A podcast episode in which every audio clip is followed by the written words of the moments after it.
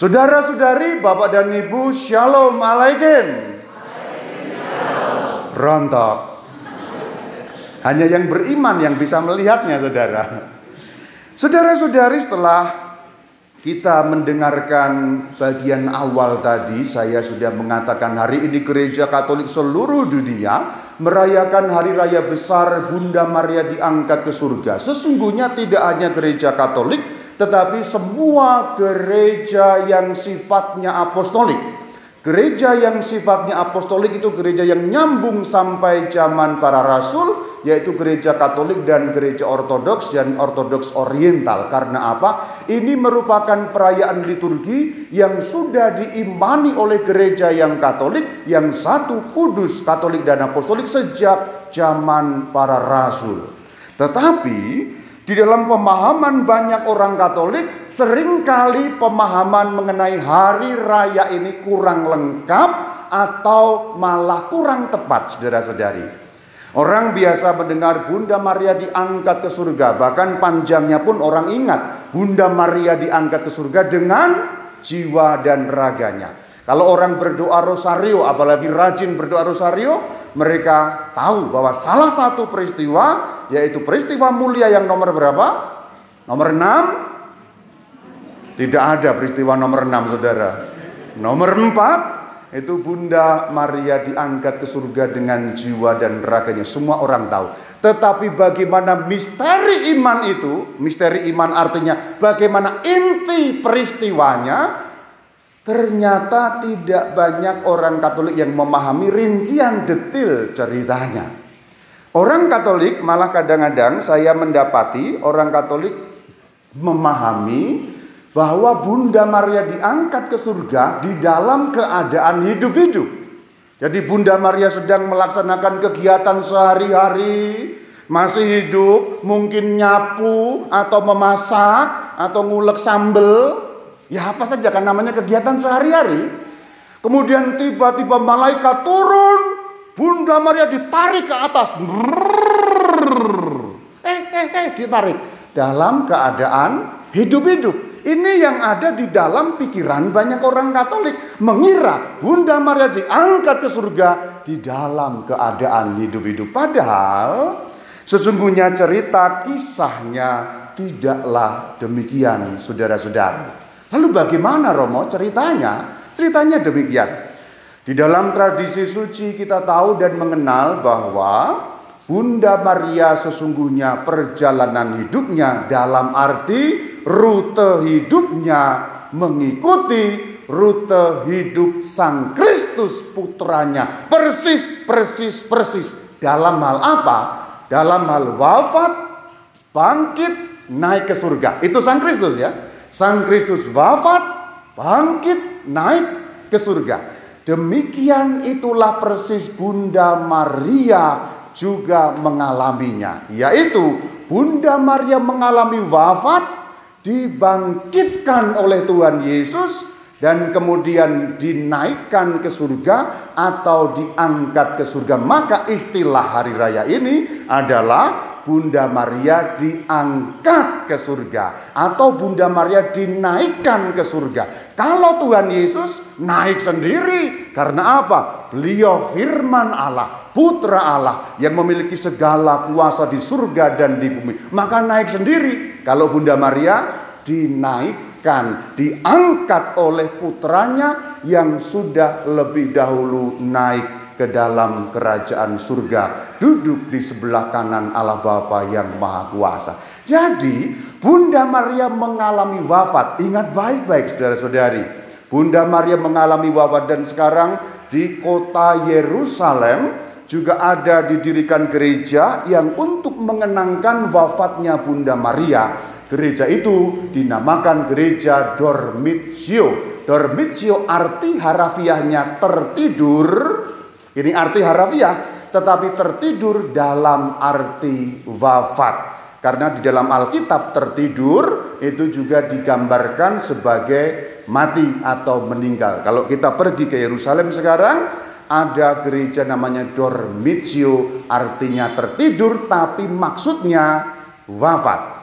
Itulah kenapa hari ini juga dinamakan Hari Raya Dormitio.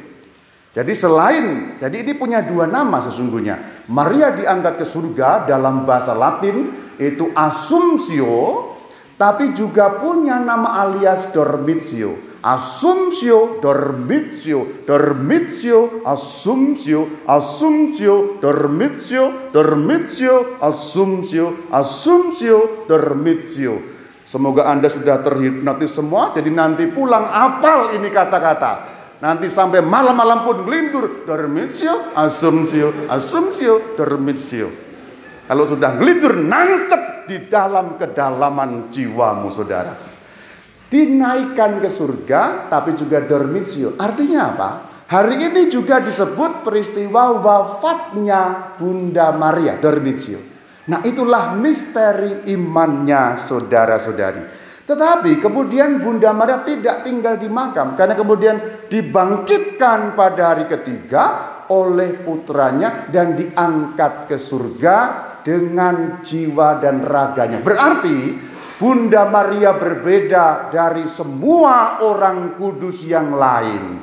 Karena Bunda Maria menjadi sosok yang kedua yang pertamanya Tuhan Yesus yang sudah naik ke surga dengan badannya. Bunda Maria juga sudah naik ke surga dengan badannya. Sementara orang-orang kudus yang lain, bahkan Rasul Petrus, Rasul Paulus pun sudah ada di surga, tetapi belum dengan badannya. Inilah perbedaan. Itulah menunjukkan keistimewaan Bunda Maria. Jadi hari raya hari ini mau menunjukkan bagaimana istimewanya Bunda Maria yang tidak mungkin terpisahkan dengan Sang Kristus. Karena mama yang mengandung Sang Kristus, daging darahnya Sang Kristus berasal dari daging darahnya Bunda Maria. Maka ketika Sang Kristus badannya naik ke surga, badan yang dulu tempat Sang Kristus tinggal ketika masih dikandung tidak mungkin tinggal di dunia tetapi harus diangkat dinaikkan ke surga sebagai orang yang nomor dua memasuki kerajaan surga setelah Sang Kristus. Ini berbeda dengan santo santa yang lain. Kalau santo santa yang lain badannya masih di dunia.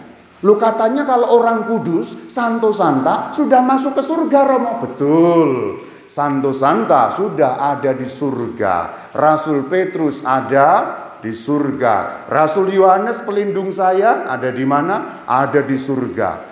Santo Franciscus Saverius pelindungnya pastor paroki kita itu ada di mana? Ada di surga. Semua santo santa ada di surga tetapi dalam keadaan rohnya saja.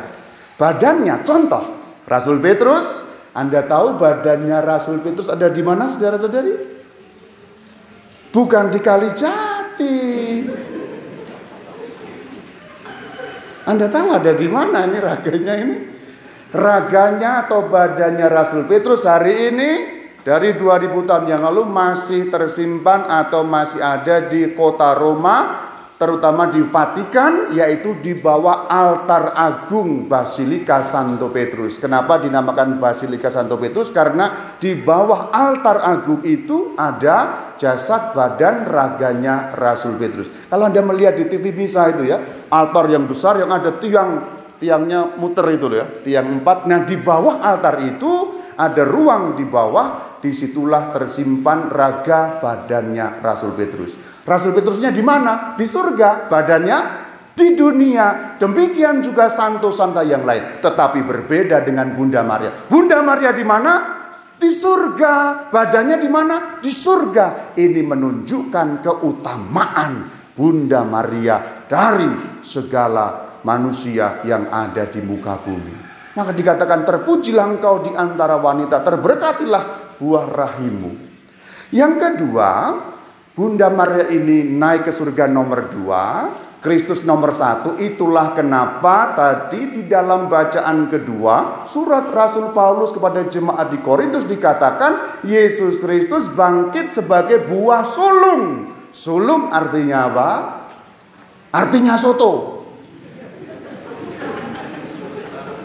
Pagi-pagi malah ngomong soto, bikin kriuk-kriuk ini perut ini. Sulung artinya tentulah nomor satu saudara-saudari. Maka di dalam Alkitab bacaan kedua tadi kita mendengar Kristus sebagai yang sulung nomor satu. Bunda Maria sebagai runner up nomor dua.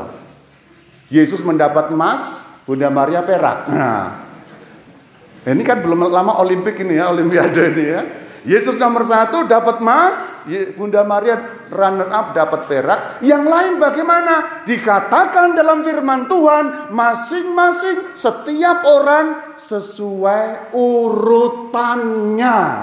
Setelah Bunda Maria nanti siapa? Ya nggak tahu. Mungkin yang suci-suci itu Santo Petrus, Santo Paulus, Santo Yohanes, Bapak Santo Franciscus Xavierus, Santa Teresia dari Kalkuta, urutannya dari yang suci-suci itu.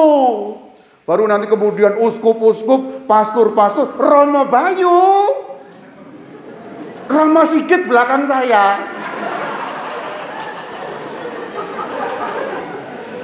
Tapi jangan bilang-bilang Romo Sigit ya. Ini cuma kira-kira begitu gitu loh ya. Kan nggak tahu sesuai urutannya masing-masing sesuai urutannya bagaimana Tuhan nanti memandang iman kita ini. Karena dikatakan masing-masing nanti akan dibangkitkan harus nunggu pada akhir zaman sesuai dengan urutannya saudara. Itu misteri imannya. Sebenarnya masih ada lagi beberapa hal yang dapat diuraikan tapi saya langsung bagian yang dapat kita petik hari ini. Bagian yang dapat kita petik hari ini itu seperti apa? Bunda Maria itu mengesahkan iman kita dalam arti menegaskan bahwa betul iman wafat dibangkitkan dinaikkan ke surga itu betul bisa dan akan terjadi sungguh pada manusia. Kalau hanya melihat Tuhan Yesus kita masih bisa ngeyel namanya. Itu kan Tuhan Yesus, Tuhan Yesus kan Allah, Tuhan sendiri. Tapi kalau manusia belum ada buktinya, sudah ada buktinya. Sudah ada buktinya yaitu siapa? Bunda Maria yang manusia biasa sama seperti kita. Berarti kita juga menantikan kita nanti akan seperti itu. Kita akan seperti itu yang seperti Bunda Maria yang manusia biasa tapi dalam ketekunan iman, kesetiaan kepada Tuhan Yesus, kita pun akan mengalami kebangkitan dan diangkat ke surga seperti itu ketika kita hidup sebagai murid Kristus setia dan selalu melaksanakan firman Sang Kristus. Nanti kita akan begitu sesuai urutannya. Romo Sigit sabar nunggu belakang saya. Sesuai urutannya, tapi nanti kita akan mengalami itu. Nomor dua arti penting iman untuk kita berarti betul kebangkitan orang mati naik ke surga atau diangkat ke surga itu iman yang sungguh-sungguh bahwa sudah terbukti terjadi pada seorang manusia Bunda Maria, Bunda kita.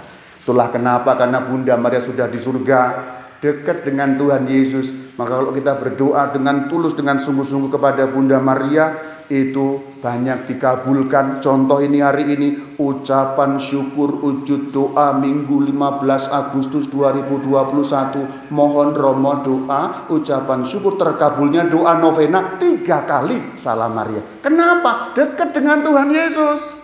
Tuhan Yesus sebelah kanan Bapa, kanannya lagi Bunda Maria, bisikin, terkabul sudah. Itulah makna iman kita hari ini yang dirayakan dalam hari raya Asumsio atau Dormitio. Shalom alaikum.